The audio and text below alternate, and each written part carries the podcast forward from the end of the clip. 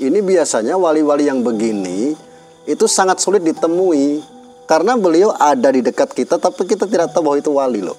Kalau bisa dikatakan sebagian wali itu mengatakan nggak mungkin kalau Ki Ageng Pandanarang bisa diislamkan. Tapi Sunan Kalijaga mengatakan apa? Oh dia nanti akan men menabuh beduk di Semarang. Ih kamu itu kayak domba saja, keras kepala kayak domba kan. Langsung itu orang jadi domba kepalanya.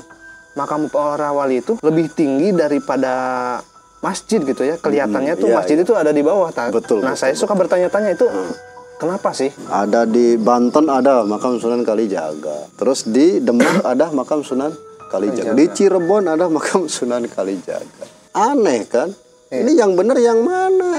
Nah, itu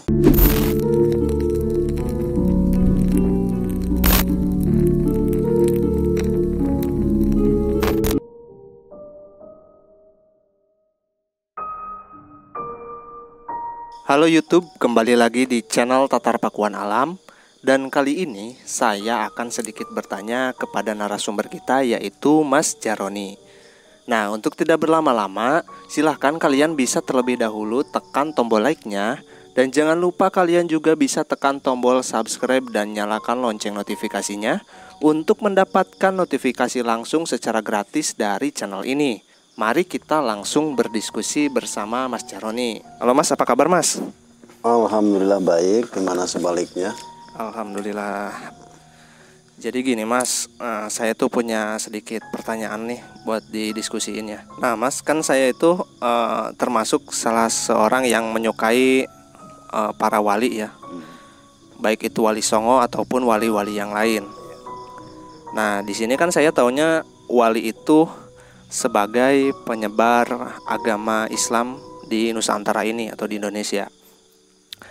Nah, dari pandangan Mas sendiri, selain penyebar agama Islam, Wali Songo itu berperan apa sih di Nusantara ini? Ya alhamdulillah. Pertanyaan cukup lumayan luas untuk dibahas ya karena yang namanya para wali, para aulia yang telah eh, mengislamkan ya eh, daerah kita tidak hanya berperan atau cuma menyebarkan agama saja. Hanya di sini kalau bahasa sekarang bisa dikatakan mengkolaborasikan gitu ya antara eh, adat istiadat, adat budaya, karakter, ad- semuanya segala bidang. Nah contohnya salah satu eh, Sunan kita ya, Sunan Kudus ya. iya Sunan Kudus kan eh, dikatakan beliau itu kan waliul ilmi, wali yang berilmu atau waliul ilmi, jadi wali yang sangat-sangat ilmunya tinggi gitu ya. Beliau menyikapi tentang hal contohnya masyarakat Kudus waktu itu. Bagaimana supaya di samping dia eh, bisa masuk Islam atau beragama tauhid ya, tapi supaya taraf hidupnya itu meningkat gitu kan? Iya. Taraf hidup meningkat. Makanya beliau mengajarkan eh, salah satunya seni ukir gitu ya. Walaupun waktu itu Sunan Kudus belajar dari Sunan Telingsing ya. Sunan Telingsing belajar tentang ukir ini. Makanya di sini di Kudus beliau benar-benar dengan cit- citranya tinggi sampai sekarang ya kan? Jepara terkenal kan dengan apa? Dengan luk ukirnya gitunya jadi bukan cuman menyebarkan agama saja tapi meningkatkan taraf hidup eh, daerah tersebut. Makanya para wali itu sangat-sangat dipelajari apa ada apa di kampung ini kejadian-kejadian apa saja di kampung ini yang perlu ditata ulang atau dibenahi atau diperbaiki atau dipertahankan gitunya kan ada ada yang harus dipertahankan harus eh, diganti atau harus yang paling tidak dikikis pelan-pelan gitu kan. Pelan-pelan itu makanya para wali tidak cuman hanya menyebarkan agama saja gitu tapi benar-benar merubah akhlak gitu kan. Seperti sabda Nabi bahwa tugas Nabi kita Muhammad SAW itu kan menyempurnakan akhlak manusia. Nggak jauh beda wali juga gitu. Menyempurnakan akhlak manusia dengan akhlak yang baik insya Allah orang itu akan sukses bahagia lahir dan batin gitu. Dan beliau cara cara berdakwahnya tuh nggak langsung ini salah itu benar. Harus begini enggak. Diperkenalkan dulu. Pertama dengan sikap sopan santunnya ya kan Iya. menunjukkan jadi bagaimana orang itu melihat eh, beliau-beliau ini ya paling tidak itu ya langsung tertarik ingin deket paling tidak ingin deket dulu kan gitu ingin deket seperti itu Nah, Mas, kalau para wali itu sebenarnya eh, berbeda-beda nggak sih? Maksudnya gini, saya pernah dengar tuh katanya para wali ada bermacam-macam golongan atau bermacam-macam tingkatan. Itu sebenarnya seperti apa sih, Mas? ya emang kalau wali itu dalam kitab Jamil Aulia ada beberapa golongan bahkan ada yang 30 golongan Iya. ada kitabnya itulah saya tidak akan mengatakan dengan yang saya pahami di dalam kitab itu ada macam-macam wali itu ya pertama wali kutub ya kan? Wali Iya. kutub. Kut kutbur rabbani seperti Sultan Aulia rajanya wali ya. Eh, Syekh Abdul Qadir Al Jailani itu kan Iya. wali kutub. Ada ada wali abdal. Iya. itu wali badal itu wali abdal. Ada golongan rijalul goib. Ada lagi eh, budalak autad. Gitu kan? Iya. terus banyak sih golongan bahkan waliyah juga ada wali tapi perempuan ada gitu Oh, dari golongan perempuan juga ada ada. juga waliyah gitu ya waliyah wali waliyah ada Iya. terus bahkan wali dari golongan rohani ya dari golongan bangsa jin juga ada juga ada Nah, kalau tadi kan Mas Jarot eh, bilang ada wali dari golongan Rijaul Goib. Apakah itu wali dari bangsa Goib atau bagaimana, Mas? Penjelasannya saya agak penasaran juga nih. Kalau wali Rijalul Goib ini biasanya wali kan Rijal. Rijal itu kan dikatakan ya lalanang jagat kalau orang-orang Jawa bilang lalanang jagat, lelaki sejati lah gitunya. Gaib yang digaibkan. Nah, ini biasanya wali-wali yang begini itu sangat sulit ditemui karena beliau ada di dekat kita tapi kita tidak tahu bahwa itu wali loh.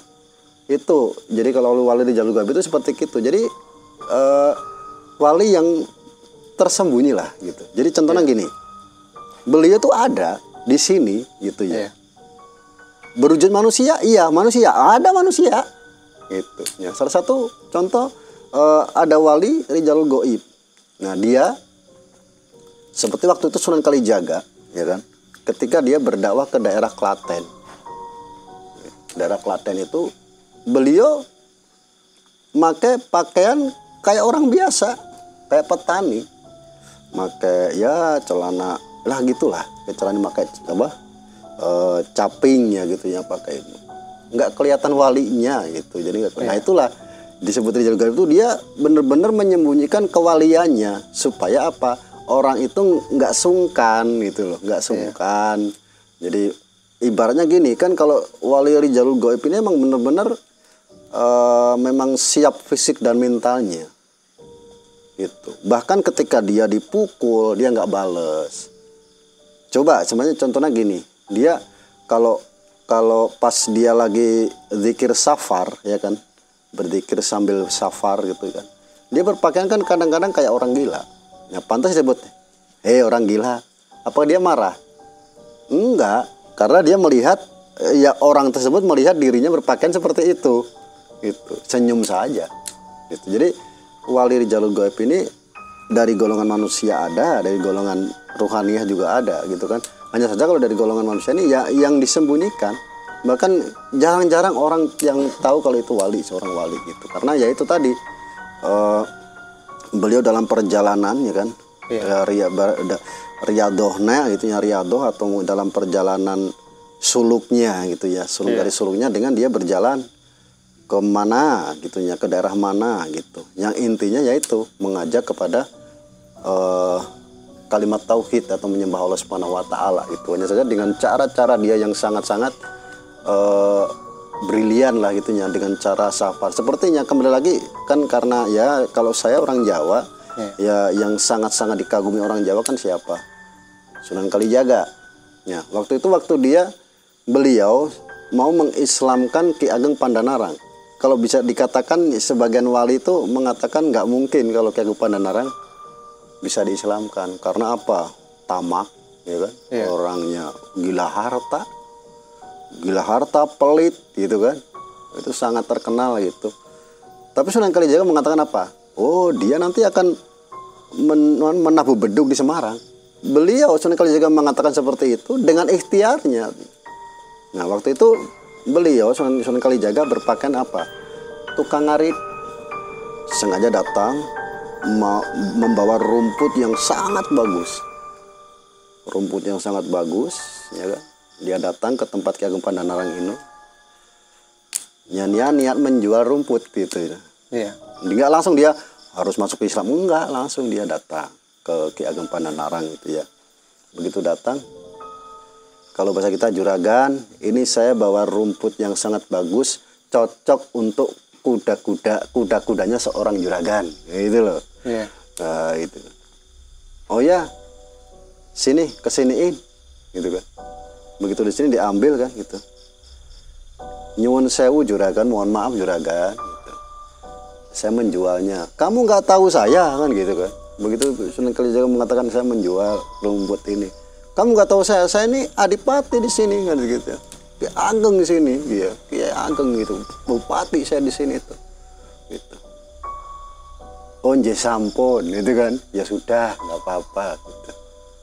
Gitu. Lagi kamu apa ngasih serumput ini ya sebagai apa eh, pangabekti lah itu bahasa orang Jawa itu sebagai baktinya lah itu sebagai rakyat biasa berbakti kepada dia kan gitu. Karena sombong kan beliau sombong waktu itu nah ya udah dikasih saja rumputnya. Nah terus tapi yang namanya seorang wali kan suka apa dikatakan ya menguji lah atau atau istilahnya berdakwahnya kan ada kan gitu. Iya. nggak kalau gitu minta sedekahnya saja juragan nanti kan. Ya udah satu kepeng gitu kan di- dikasih satu kepeng rumput. Nah begitu rumputnya di, diambil diangkat Sunan Kalijaga mah jalan aja udah. Cuman dia berpakaian petani nggak tahu. Kalau Sunan Kalijaga nggak tahu. Pakaian petani. Begitu ru- rumput diambil jatuh batu. Tek- tapi emas. Di bawah rumput itu jatuh. Emas begitu dibawa ke tempat kandang kuda itu dia. Di bawahnya rumput itu emas.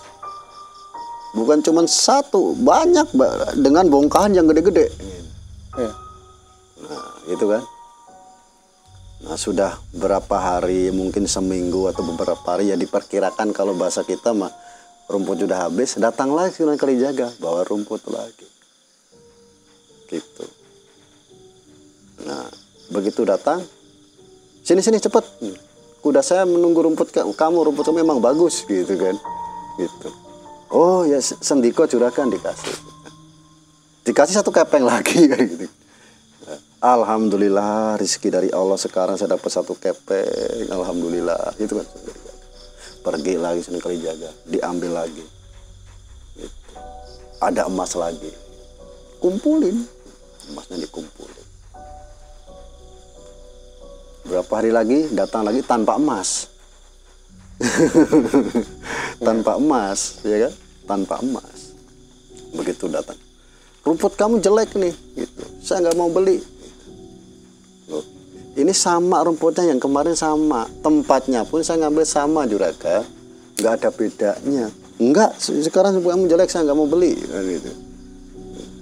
Ini saya nggak mau bayar sudah. Kasih saya ke saya, ke saya aja nggak mau dibayar. Langsung kan Sun Kalijaga Wah, juragan pengen rumput saya atau pengen emas? Kan itu kan? Juragan emas emas gitu kan. Emas emas. Emang kamu siapa? Punya emas. Orang kayak gini bisa punya emas gimana? Kan gitu. Ya kalau saya mah nggak butuh emas. Nggak butuh emas saya. Tapi kalau juragan butuh saya bisa kasih. Kan itu saya bisa kasih. Merasa dihina kan. Oh kamu berani-berani menghina saya. Buktikan kalau misalkan kasih emas mau sebesar apa juragan emasnya gitu kan? Sunan Kalijaga pikir kayak gitu. Ya pokoknya saya minta emas ya udah tolong ambilin cangkul. Ya kan? Di depan mata beliaunya Sunan Ki Ageng Pandangan dipacul cek begitu dibalikan emas. Cuma bongkahan emas di nah dah ini juragan saya mau pergi. Gitu kan nah begitu melihat bongkahan emas bukan bukan apa? Bukan tertarik pada bongkahan emasnya. Ki Ageng ini. Heeh, duh ini emas gitu. Nah begitu apa? Dia ngejar kan? Ngejar ngejar orang tersebut. Kejar orang itu gitu. Kejar nggak ketemu nggak ketemu. Sampai di alun-alun ngejarnya itu sama anak buahnya itu ngejar. Nah waktu itu pas eh, Sunan Kalijaga di alun-alun kan di ada masjid agung ya di Semarang masjid agung nah ada. Ya pas mau sholat asar itu mau sholat asar. Ada yang mengatakan mau sholat maghrib ya, ya namanya sejarah kan. Setiap orang ber- ber- berbeda versi ya intinya mau sholat aja. Ketemu sama Sunan derajat gitu. Assalamualaikum kanjeng Sunan waalaikumsalam. Buka topi buka buka capek pas di, disebut kanjeng Sunan eh, Sunan derajat menyebut assalamualaikum Sunan kan Ki Ageng Pandanarang ada. Iya. ada. Nah begitu. Kaget kan loh oh ternyata Sunan siapa? Kayak gitu kan. Nah begitu dia udah gitu. Sampun dangu Kang Mas Kalijogo kan gitu kan. Di sini Sunan Derajat mengatakan apakah sudah oh, udah lama di sini Sunan Kalijaga iya alhamdulillah mau sholat asar sekarang begitu dia tuh Sunan tahu Sunan Kalijaga langsung gemeter gemeter badannya gemeter Ki, bergetar Ki Ageng ini ya Iya, ber- si Agung ini bergetar, badannya bergetar. Wah, gemeter lah ini, sampai ke hati-hati dasar hati gitu. Merasa takut, merasa gimana lah mungkin serba salah atau gimana Iya. gitu. Nah, udah gitu ditungguin. Ayo sholat diajak. Ya dengan amat terpaksa atau gimana waktu itu ya sholat karena yang ngajak wali gitu, nggak ngajak Nah, udah gitu. Setelah saya sholat, sekali dan orang minta maaf, minta maaf kanjeng Sunan. Enggak, saya kira bukan kanjeng Sunan Kalijaga gitu. Ya nggak apa-apa. Namanya juga nggak tahu, nggak apa-apa. iya Gitu, sih nggak apa-apa. Sudah, sekarang kamu pingin apa? Kalau harta kan sudah saya kasih semua kemarin. Kamu pengen apa? mau ngapain namanya saya pengen apa saya pengen suwito pengen berguru pengen belajar ke Sunan Kalijaga gitu kan ya boleh silahkan gitu kan sekarang kalau mau berguru kepada eh, sama saya pulang sono. Itu tinggalkan semua kemewahan. Tidak kamu harus lepas semua kemewahan tidak boleh bawa harta sedikit pun kalau mau berguru pada saya. Gitu kan? Kalau berguru saya nggak boleh bawa harta sedikit pun nggak boleh. Ya, sendiko dawuh ya pulang beliau pulang. Nah pas pulang Sunan Kalijaga berkata susul saya di Gunung Jabal Kat gitu kan. Dia nyusul. Pas nyusul sama istrinya kan. Istrinya mau ngikut. Jangan nggak perlu ngikut. Saya mau waktunya nggak jelas ini mah gitu. Nggak jelas saya mau berguru ke Sunan Kalijaga supaya orang eh, bisa apa?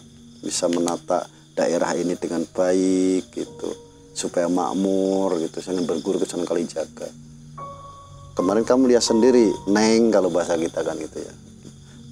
Tanah bisa jadi emas gitu. emas kita banyak. Tapi saya tidak akan saya bawa silahkan urus sama neng. Tidak ah, saya pengen ikut gitu.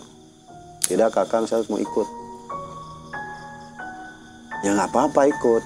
Tapi dengan catatan tidak boleh bawa harta kan gitu kan. Iya tidak boleh bawa harta. Ya. namanya perempuan ya kan kan khawatir Iya.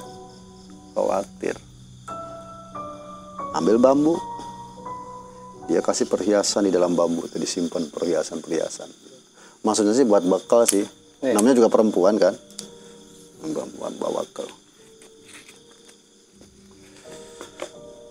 terus jalan menuju ke daerah Klaten ya kan? Gunung Jabakat tuh di daerah Klaten. Ya di daerah Klaten itu. Gunung Jabakat itu daerah Klaten. Jalan dari Semarang tuh jalan. Iya. kalau sekarang Semarang ya jalan ke daerah Klaten. Istrinya itu ketinggalan wae. Ketinggalan terlalu terlalu, terlalu tertinggal jauh gitu loh. Ayo atuh kita diburu-buru loh kan gitu terburu-buru itu kan. Terburu-buru saya ayo oh pelan-pelan atuh ini berat mau tinggalkan gitu. Tinggalkan saja itu tongkatnya. Nggak usah jangan ditinggalkan. Jangan ditinggalkan. Kenapa nggak ditinggalkan?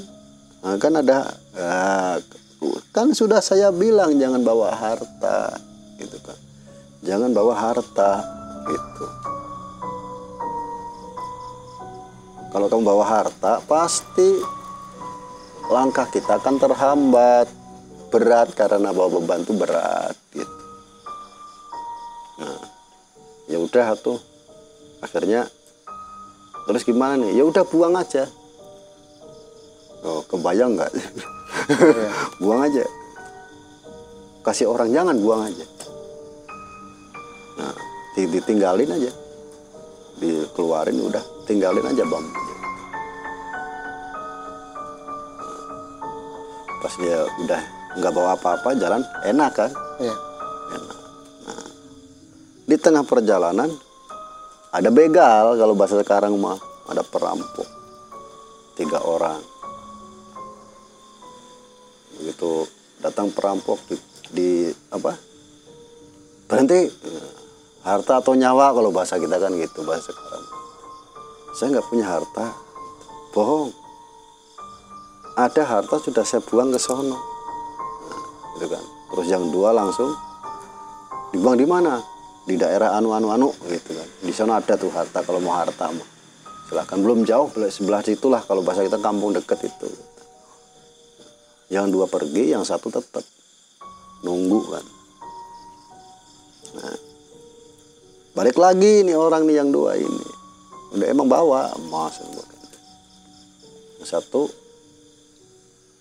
saya pengen yang di buntelan itu. Bawa buntelan cuman cuman baju padahal. Ini tuh bukan apa-apa ini cuman baju buat sembahyang buat sholat baju yang bersih. Ini ini buat perjalanan ini buat yang bersih. Nggak percaya pengen. Ih kamu itu kayak domba saja keras kepala kayak domba kan itu langsung itu orang jadi domba kepalanya. Yang memerangi satu orang itu karena dia ngeyel itu kamu tuh keras kepala kayak domba gitu. Jadi domba. Kepalanya doang jadi domba. Nah udah gitu. Dia sadar ampun kanjeng seh gitu kan langsung gitu kan. Padahal belum belum diajar belum belajar sama sekali jaga. Sudah sedasat itu. Karena apa? Perjalanan ikhlas kan Iya. Mau berguru itu ya. Iya, mau berguru niatnya udah mau berguru. Jadi dilindungi. Di- Kalau ba- bahasa kita nih, Iya. bahasa kita kalau kita sudah niat berguru, guru mengatakan masuk. Mau mau lautan api kek, mau jurang dalam kek, masuk aja kan selamat. Berarti itu salah satu karomah Salah satu dari karomah dari Sunan guru kita Kalijaga ya, ya. salah satu kami bukan dari jaga. Pak. Nah, Mas, eh, terkait dengan itu kan eh, karomah ya, karomah dari para wali. Selain kan kita tuh di Indonesia nih terkenal para wali itu karomahnya yang ekstrim-ekstrim gitu. Ada yang terbang lah, ada yang menghilang lah, ada yang kemudian tadi seperti yang dikatakan. Iya. Tapi di sini ap- ap- apakah ada karomah dari seorang waliullah yang mungkin eh, dari diri kita itu eh, merasakannya tidak terlalu terasa tapi berdampak sangat nyata gitu, Mas? Mm-mm.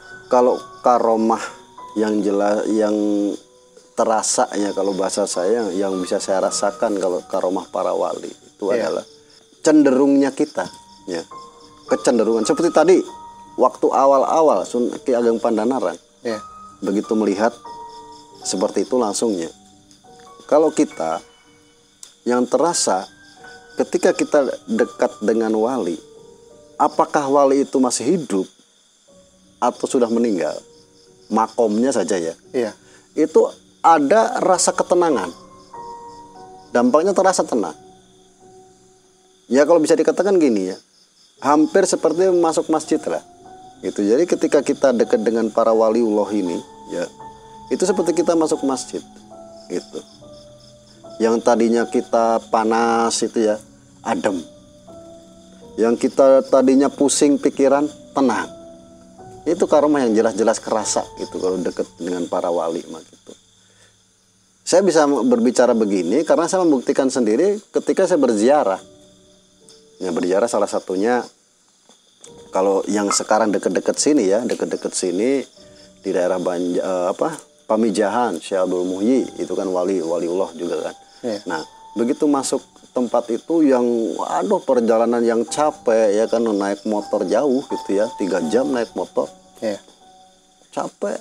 Jam malam jam 2 gitu kan. Saya kalau saya mah momennya suka pengennya malam ya nggak siang. Kalau siang mah maksud saya supaya perjalanan lancar gitu kan. Makanya saya ambil malam. Itu begitu sampai di sono gitu rasa capek itu hilang loh. Hilang rasa capek mengantuknya juga hilang gitu. begitu ketemu makomnya saja gitu. Ketenangan. Terus apa? Keluasan hati itu terasa luas itu loh. Terasa enak kok damai gitu. Enak. Nah, seperti itu yang saya rasakan. Berarti intinya bukan eh, ketenangan itu bukan datang dari makom tapi datang dari seorang waliullah itu iya karomahnya ya. iya karomahnya. Iya. Nah kalau misalkan gini mas, eh, kan saya tuh eh, pernah ziarah ya ke salah satu makom waliullah. iya Nah di tempat itu tuh eh, rata-rata di tempat para wali dimakamkan Mm-mm. perekonomiannya itu bagus loh mas. Mm-mm. Eh, di sana tuh eh, tingkat ekonominya tinggi gitu kan banyak. Apakah itu termasuk juga karomah dari para waliullah? iya itulah berkah berkah karomah para wali kan seperti gitu ya kan? Jadi kadang-kadang begini ya. Iya. eh, mohon maafnya kalau tidak ada yang sepaham kalau tidak ada kalau ada yang tidak sepaham itu mohon maaf nanti kalau ada rekan-rekan kita yang menyaksikan video ini ada yang sepaham. Berkah karomah para wali itu ya kan? Waktu masih hidup atau sudah meninggal itu akan tetap terasa bagi yang hidup Iya. Ya. Ya makanya ini baru wali, ntar belum nabi belum. Ini baru wali aja. Ya. Contohnya eh, berkah karomah beliau, ya kan? Dengan adanya waktu itu beliau masih hidup, daerah itu berkembang. Karena tadi kan wali itu mengubah segalanya, berusaha mengubah segalanya, adat, budaya, akhlak, itu dibenahi. Bukan bukan dirubah sekaligus enggak tapi dibenahi. Yang selaras dengan aturan agama dan negara itu dipelihara. Bahkan di apa ditingkatkan. Gitu. Kalau yang berkaitan dengan eh, agama dan negara itu selalu dit- ditingkatkan. Ketaatan kepada negara ketaatan kepada hukum adat hukum agama itu justru dipelihara gitu. Yang tidak selaras pelan-pelan sangat halus dikikis gitu. Dikikis gitu. Nah itu. Jadi nggak langsung dek ini jelek. Nggak. Pelan pelan gitu. Nah salah satu tadi berkah karomah para wali yaitu tadi kemakmuran daerah tersebut. Ya kan? Kemakmuran. Kenapa bisa makmur? Ya tadi saya katakan dulu waktu belum ada beliau para wali contohnya ya. Tidak ada eh, sesuatu yang dikerjakan. Contohnya eh, seni gitu kan? Ya. seni seperti kalau di, di Kudus ada ukiran ya kan? Terus daerah Jawa Timur ada tembikar ya kan? Ya. seperti itu Eh, sampai sekarang ya daerah tersebut seperti di sini yang di eh, apa? Syabul Muhyi itu kan ada ciri khas apa kolang kalingnya gede-gede bagus gitu. Jadi diburu sama orang itu kolang kaling belas ini. Nah dengan adanya orang tuh datang ke sono datang ke sono kan makmur. Oh iya. jadi makmur jadi makmur.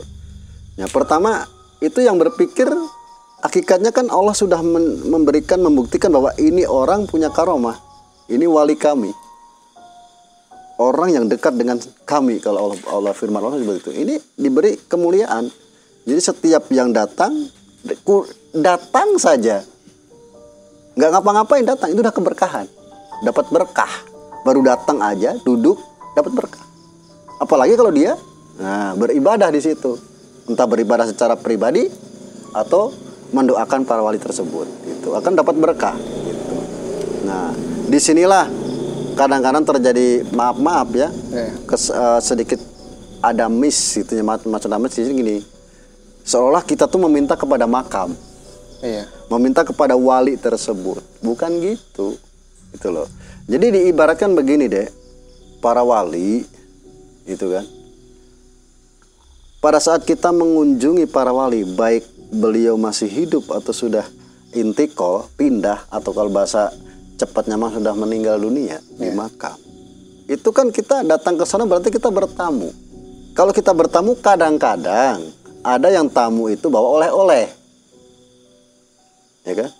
Contohnya kita datang ke sono kita bawa oleh-oleh apa? Doa. Doa kan? Kita doakan. Nah kita doakan. Ya karena dia tuh wali Allah.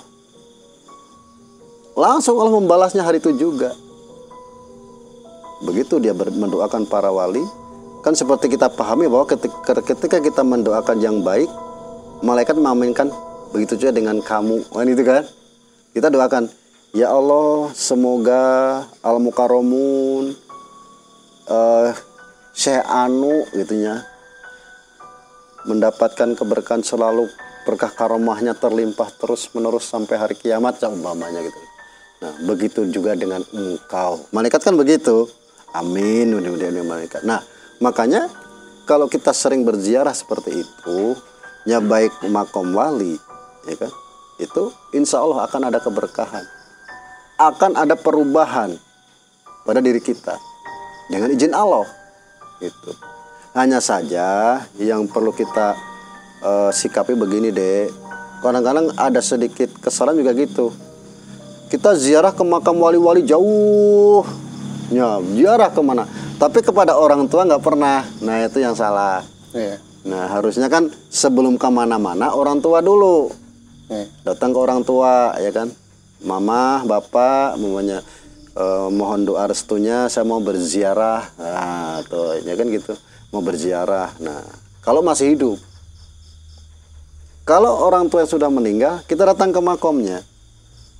Assalamualaikum ya kubur bapak mama gitu mudah-mudahan engkau memberi- memberikan ketenangan keberkahan kepada engkau dalam kubur. Insya Allah setelah saya berziarah kepada mama kepada bapak saya akan berangkat kembali ziarah kepada makam para wali. Nah seperti itu jadi harus ke orang tua dulu. Itu orang tua dulu. Insya Allah perjalanan akan berkah. Gitu. secara tidak langsung gitu kan. Allah memberikan langsung mulai dari perjalanan akan dipermudah ya kan? pulang dari ziarah dapat keberkahan. Dari perubahan karakter perubahan taraf hidup itu itu berkah berkah karomah para wali tadi. Jadi kemuliaan. Jadi intinya dengan kita dekat dengan para wali entah wali itu masih ada atau sudah meninggal kalau kita mengakui ya kan kita menghormati kita berkhidmat kepada beliau itu. Dengan izin Allah karena kita dekat itulah Allah memandang. Karena kamu sudah memuliakan waliku kalau bahasa kita kan itu.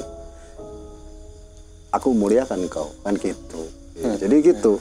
Makanya kenapa kita harus bersolawat ke Nabi Muhammad? Memuliakan Nabi Muhammad. Agar kita dapat syafaat. Iya syafaatnya syafaat Nabi Muhammad. Kenapa kita eh, berziarah atau mendoakan para wali? Supaya kita dapat keberkahannya. Kan gitu ya kan? kalau kenapa kita ke orang tua? Supaya dapat ridhonya. Gitu. Jadi kalau kita dapat ridho dari orang tua berkah karomah para wali syafaat Nabi Muhammad langsung Allah ridho Allah. Akan turun ridhonya Allah. Apa yang kita cita-citakan akan dengan mudah dicapai itu seperti itu akan mudah dicapainya Nah, Mas, eh, berarti kan tadi kan ziarah ya. Bukan berarti di sini kita terus berziarah tapi eh, ibadah wajib kita ditinggalkan. Maksudnya hanya mencari berkah saja dari para wali, tapi ibadah ditinggalkan itu juga salah mungkin. Iya jelas, jelas. Karena kan begini ya, yang namanya ibadah, ibadah itu kan adalah pengabdian, ya kan? Pengabdian. Yang intinya kita mengabdi kepada Allah Subhanahu Wa Taala, menyembah hanya kepada Allah. Itu ya. Jadi itu nomor satu, ibadah itu nomor satu. Nah, kenapa kita berziarah kepada para wali atau memohon berkah para kepada orang tua kita? Itu kan didikan agama. Jadi tetap ya ibadah Tetap. jangan ditinggal. Jangan ditinggalkan, tetap. Tapi kan Gitu. suka ada tuh yang ah saya mau ke ziarah ke wali itu, saya mau ziarah ke wali itu, tapi sholatnya masih apa di akhir waktu gitu kan. Berarti itu salah juga kan ya. Iya. Harus iya. diperbaiki minimal dari ibadahnya juga gitu kan. Ya kan takutnya begini deh, kalau kita tidak didasari dengan eh, pengabdian ibadah kepada Allah Subhanahu wa taala, Iya.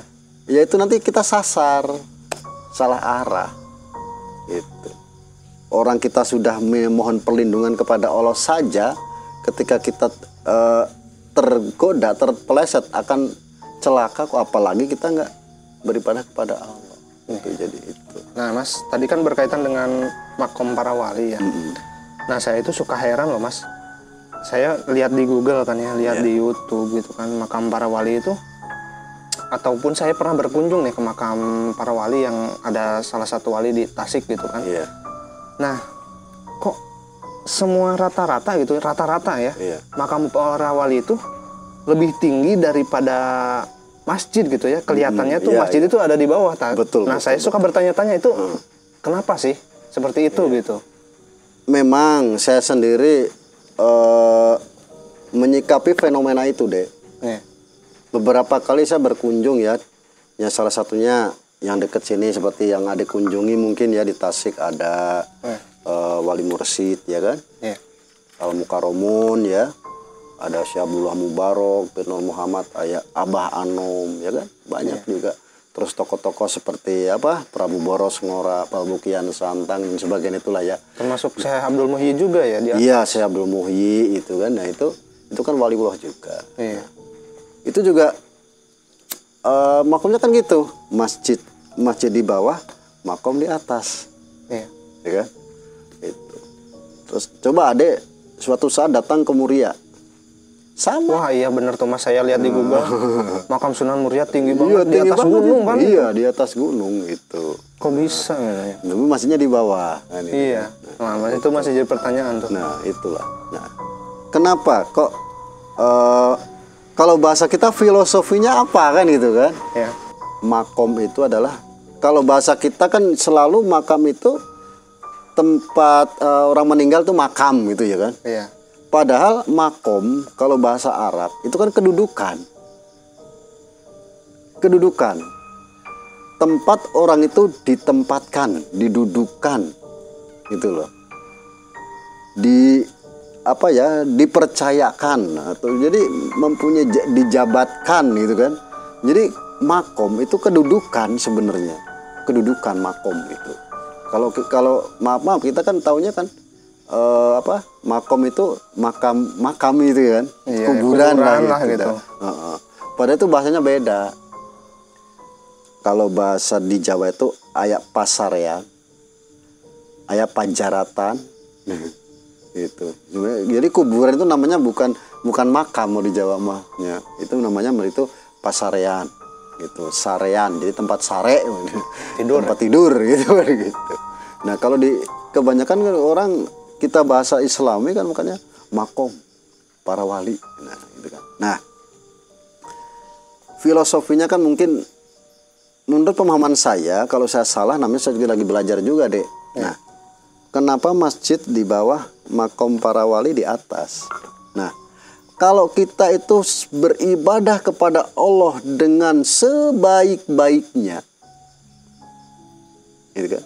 Kalau kita beribadah kepada Allah kan simbolnya masjid. Baik masjid lah itu ya.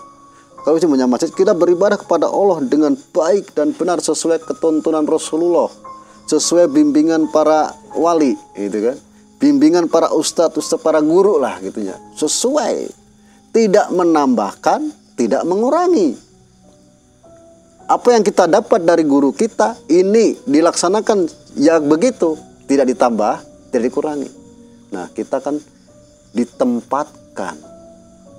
Makom mahmudah diangkat sama Allah di tempat yang tertinggi. Itu.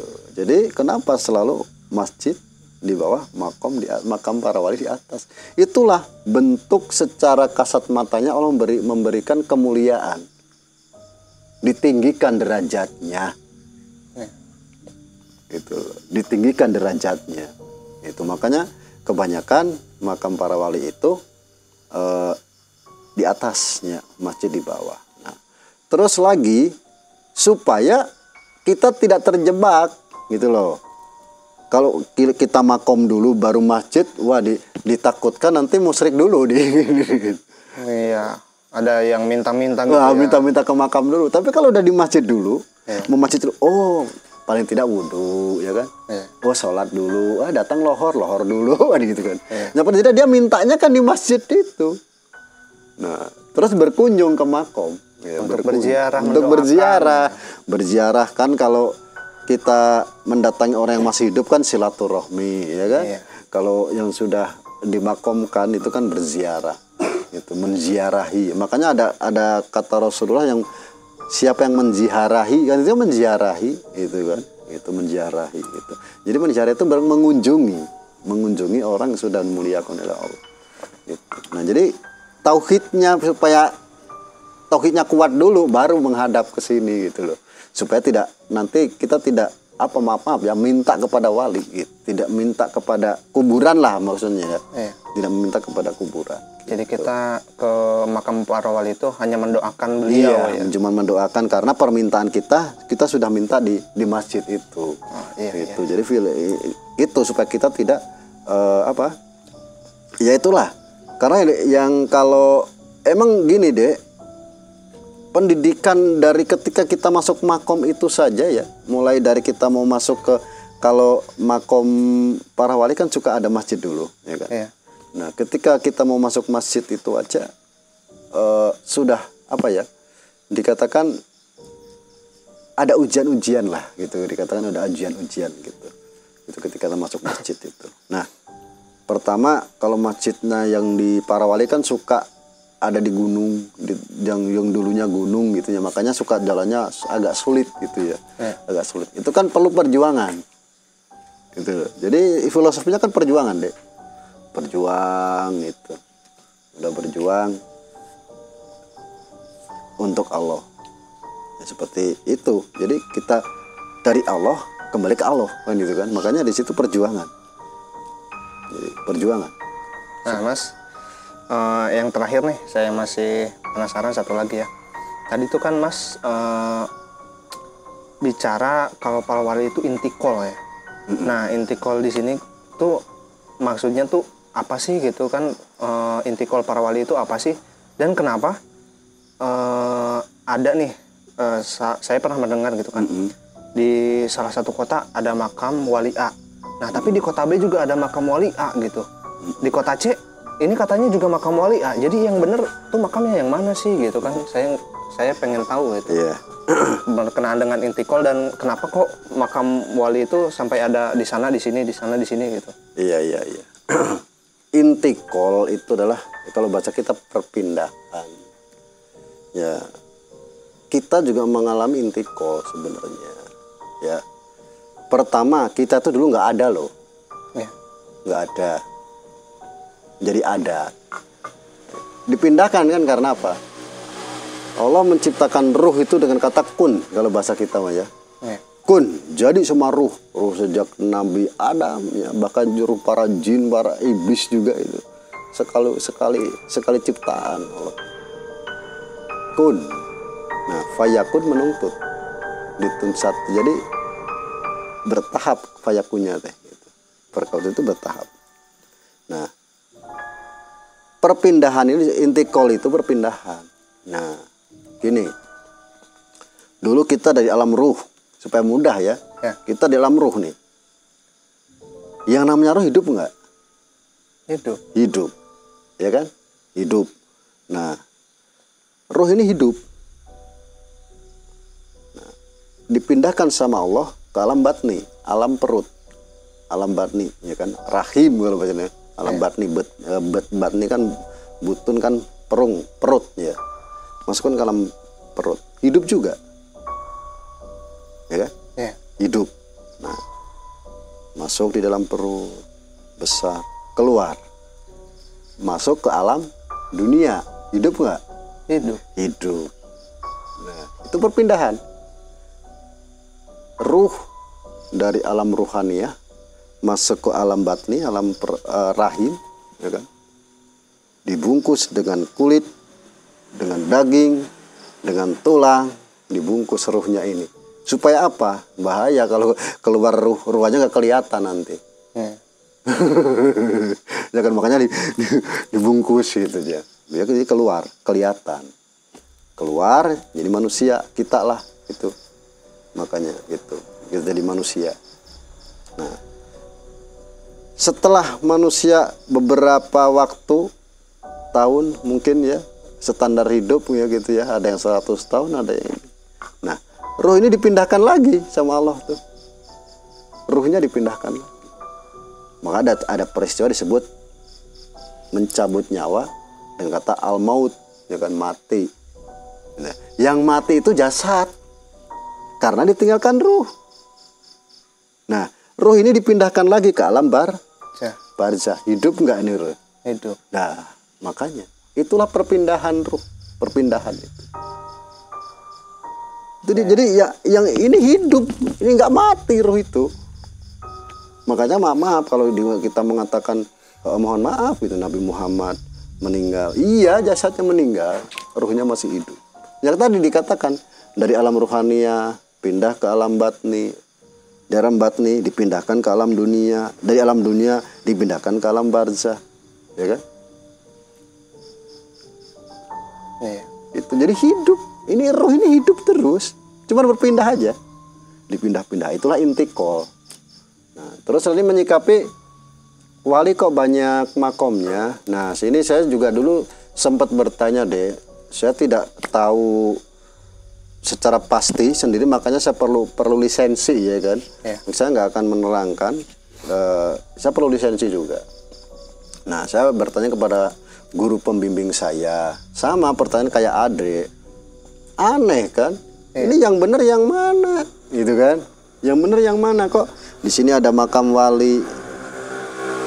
Ya sebut saja Sunan Kalijaga, ya gitu kan? Iya. Ada di Banten ada makam Sunan Kalijaga. Ya kan? Terus di Demak ada makam Sunan Kalijaga. Di Cirebon ada makam Sunan Kalijaga. Nah, itu adalah petilasan. Jadi kalau petilasan itu kalau bahasa kita bekas tapak eh, apa tempat dulu dia be- pernah bekerja lah itulah. Dulu pernah datang ke sini eh, terus bertempat di sini beberapa waktu terus akhirnya pindah lagi. Intikol gitu kan pindah gitu. Nah, itulah Nah, di di situ ada makomnya. Nah, makanya kita suka ber, ber- berapa ber kalau bahasa kita kan makom itu tempat orang meninggal gitu kan. Padahal makom itu kedudukan. Gitu kan. Nah, guru pembimbing saya menerangkan begini, kenapa kok ini ada kuburannya? Ada yang eh, gundukan tanah di nama dengan nama beliau kan gitu kan sebagai wali gitu. Bahkan diakini, diyakini itu makam beliau gitu. Iya makam beliau emang gitu. Hanya saja itu petilasan. Itu tempat dulu dia pernah di sini mukim berdakwah mem- apa, membuat masyarakat itu baik, taraf hidupnya meningkat gitu kan. Nah, karena saking dekatnya dengan masyarakat di situ, ya kan? Karena disayangi masyarakat di situ. Kan masyarakat ini daerah ini tidak mau ditinggalkan. Jangan ini kan nanti kalau eh, apa Kanjeng Sunan pergi gimana masyarakat begini? Saya masih butuh Kanjeng Sunan ini, butuh para wali ini kan gitulah. Jadi kita masih butuh, jangan jangan tinggalkan. Siapa masih perlu bimbingan, belum sampai. Ya kalau bahasa kita kan namanya belajar kan sampai mati. Masa saya harus di sini sampai mati? Sedangkan tugas saya masih banyak kalau bahasa gitu kan ya. Kalau bahasa milenialnya kan gitu. Masa kan saya mah dapat tugas dari guru saya juga untuk dakwah ke sono ke sono kan gitu. Makanya di- di situlah, nah kita tahu benar, kita tahu pasti wali itu punya karomah. Nah, dengan karomah beliau, ya kan, biasanya para wali ini bisa mecah raga. Ya, mecah raga, contohnya, ya sudah, saya tidak akan ke mana-mana. Gitu. Saya akan tetap di sini. Gitu. Ilmu saya akan membimbing Anda. Nah, gitu kan, ilmu saya. Jadi di, beliau tuh sebenarnya udah pamitan, ilmu saya akan membimbing Anda. Nah, makanya ilmu beliau dirubahlah salah satu bajunya atau sorbannya dengan izin Allah dengan karomah beliau. Karena dekat dengan Allah. Ya Allah ini masyarakat sini cinta sama saya kalau bahasa gitu kan. Supaya mereka masyarakat ini nggak kecewa ya kan? saya harus tetap di sini. Hanya saja saya harus mengerjakan tugas. Berwujudlah. Entah bajunya entah ikatnya entah tongkatnya berwujud seperti beliau wali tersebut. Nah wali yang aslinya pergi ini melakukan tugas sebagaimana, sebagai- sebagaimana biasa. Nah sudah agak lama ya gitu kan agak lama. Tua gitu kan itu meninggal di situ. Apa? Ininya ini. Si ilmunya itu. Saya ilmunya ini. Ya seperti gimana manusia aja. Gitu sudah sering ketemu. Hanya aktivisnya beda. Nggak kayak yang asli. Kalau dulu mah yang asli mah ibaratnya berkata dengan ini ini. Ini cuman ya sebatas itu supaya orang tuh melihat oh ada. Nggak ke mana-mana orangnya supaya itu aja loh. Itu makanya tidak terlalu banyak aktivitas namanya juga ilmu kan. Cuman sekilas ya, ada gitu. Nah akhirnya meninggal. Di, di seolah-olah meninggal. Kelak dimakamkan di situ. Nah, jadi itu petilasan tilasnya itu bukan aslinya. Jadi aslinya mah kalau seperti Sunan Kalijaga makamnya ada di eh, Kadilangu Demak ya kan Kadilangu Demak itu makam beliau aslinya di situ gitu kalau soal kenapa banyak makam-makam para wali itu nah kalau makam wali yang asli deh itu bisa di bisa di eh, lihat dengan ciri khasnya. Seperti tadi tadi bilang, tempat itu makmur, jadi kota. Itulah, berarti itu benar makom makom wali asli. Makomnya yang asli itu itu. Kalau petilasan, iya rame lah, tapi tidak begitu. Hmm. jadi ada sedikit perbedaan Perbedaan. Kalau kalau yang asli mah pasti insya Allah daerahnya akan jadi ramai, jadi kota, ya kan? Ya, Banyak kemajuan, wah pokoknya mah makmur lah gitu. Tapi kalau petilasan, ya tidak begitu jauh berbeda. Hanya saja eh, nggak seperti yang tempat aslinya gitu, yang yang ramainya. Hmm. Ya perkembangan ekonominya, perputaran ekonomi itu akan lebih ini apa lebih maju kalau di tempat yang aslinya. Gitu. namun tidak mengurangi nilai juga ya mas. Maksudnya petilasan di sini kita ziarah ke sana juga nggak jadi masalah gitu Oh nggak masalah, nggak Iya, masalah, sama saja, sama saja. Sama saja. Berkahnya sama, sama, sama. ya mas alhamdulillah lah. Sudah kejawab pertanyaan-pertanyaan tadi dari mulai wali itu perannya seperti apa kemudian eh, makomnya juga kan ya makasih banget mas. Udah nemenin di video kali ini. Mungkin nggak tahu ya ini mau jadi satu part atau dua part. Ya. karena lumayan juga isinya juga padat juga ya kan? Alhamdulillah banget. Nah jadi buat teman-teman eh, barusan adalah pembahasan kita mengenai eh, para wali ya. Silahkan teman-teman bisa berkomentar atau berpendapat. Ki- kita sangat menghormati pendapat teman-teman kita juga apabila teman-teman memiliki pendapat lain, nah kita juga tidak menyalahkan dan kita juga tidak merasa yang paling benar Iya ya. betul. sekali. Karena urusan ilmu, iya. para ilmu wali itu sangat setiap orang mempunyai wadah yang berbeda itu aja. Iya. Jadi ada yang kayak gini gitu. Beda-beda. jadi Tergantung pemahaman masing-masing, riwayat masing-masing. Iya, karena juga mungkin para wali dan para nabi itu eh, Allah yang lebih mengetahui. Jadi Iya, ya silakan walau alam menurut kepercayaan teman-teman masing-masing saja ya. Semoga video ini bisa memberikan hiburan, manfaat juga silahkan ambil sisi positifnya. Jangan lupa saksikan video-video selanjutnya dari channel Tatal Pakuan Alam. Sampai bertemu di video selanjutnya.